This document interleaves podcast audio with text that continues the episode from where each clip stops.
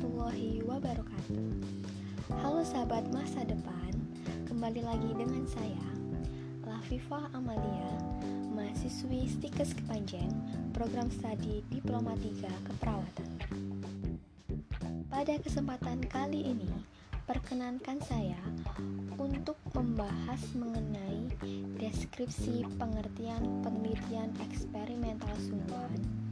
Yang kedua, pengertian penelitian eksperimental semu dan yang ketiga pengertian penelitian tindakan. Oke kita langsung masuk ke pembahasannya ya. Pengertian penelitian eksperimental sungguhan atau true experimental research bertujuan untuk menyelidiki kemungkinan saling hubungan sebab akibat dengan cara mengenakan kepada satu atau lebih kelompok eksperimental dan satu atau lebih kondisi perlakuan dan memperbandingkan hasilnya dengan satu atau lebih dari kelompok kontrol yang tidak dikenai kondisi perlakuan.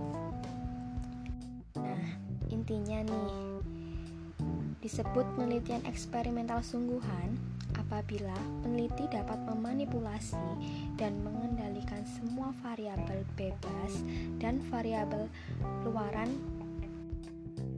dengan ketat.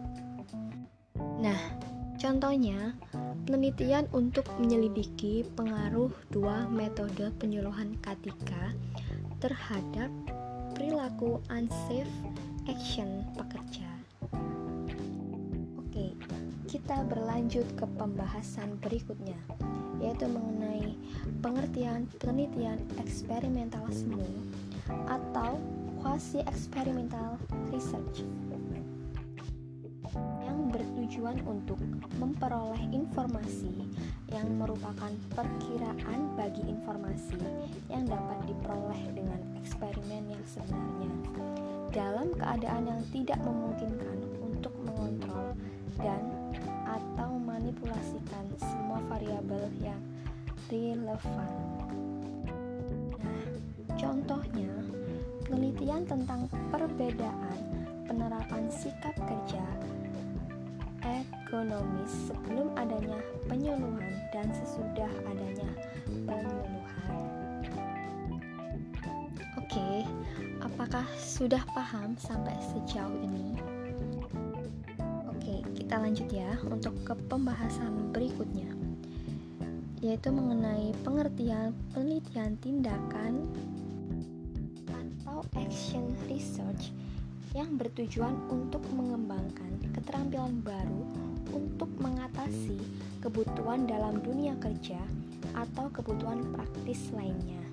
Misalnya nih, suatu program in-service training untuk melatih para konselor bekerja dengan anak putus sekolah. Dan yang kedua, penelitian untuk memecahkan masalah apatisme dalam penggunaan teknologi modern atau metode menanam kacang tanah yang inovatif. Baik, mungkin sekian pembahasan mengenai penjelasan-penjelasan yang sudah saya jelaskan.